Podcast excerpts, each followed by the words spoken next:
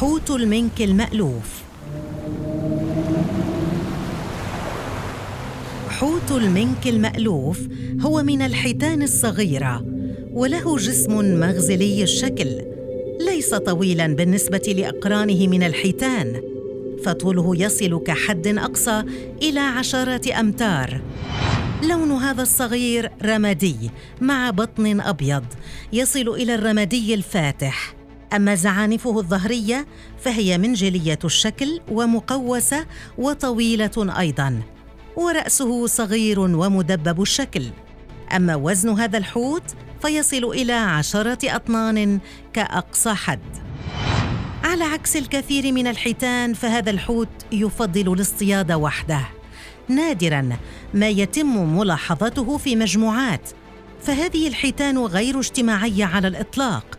وأيضا وكباقي الحيتان هذا الحوت يقتات على الأسماك الصغيرة وثعبان البحر والقشريات عن طريق آلية دفع الماء بعد بلعه وتصفيته من الغذاء.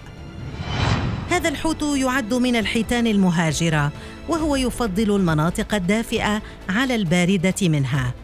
يعيش في جميع محيطات العالم الرئيسية ويمكن أن يتواجد قبالة بعض الشواطئ لكن في المناطق العميقة منها.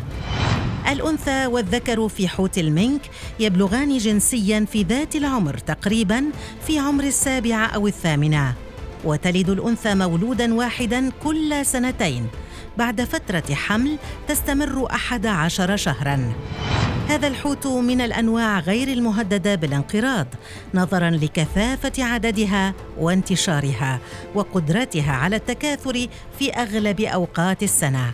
ولكن هذا لا يعني أنه لا يمكن أن يقع ضحية للكثير من المفترسات البحرية مثل القروش وحيتان الأوركا والصيادين.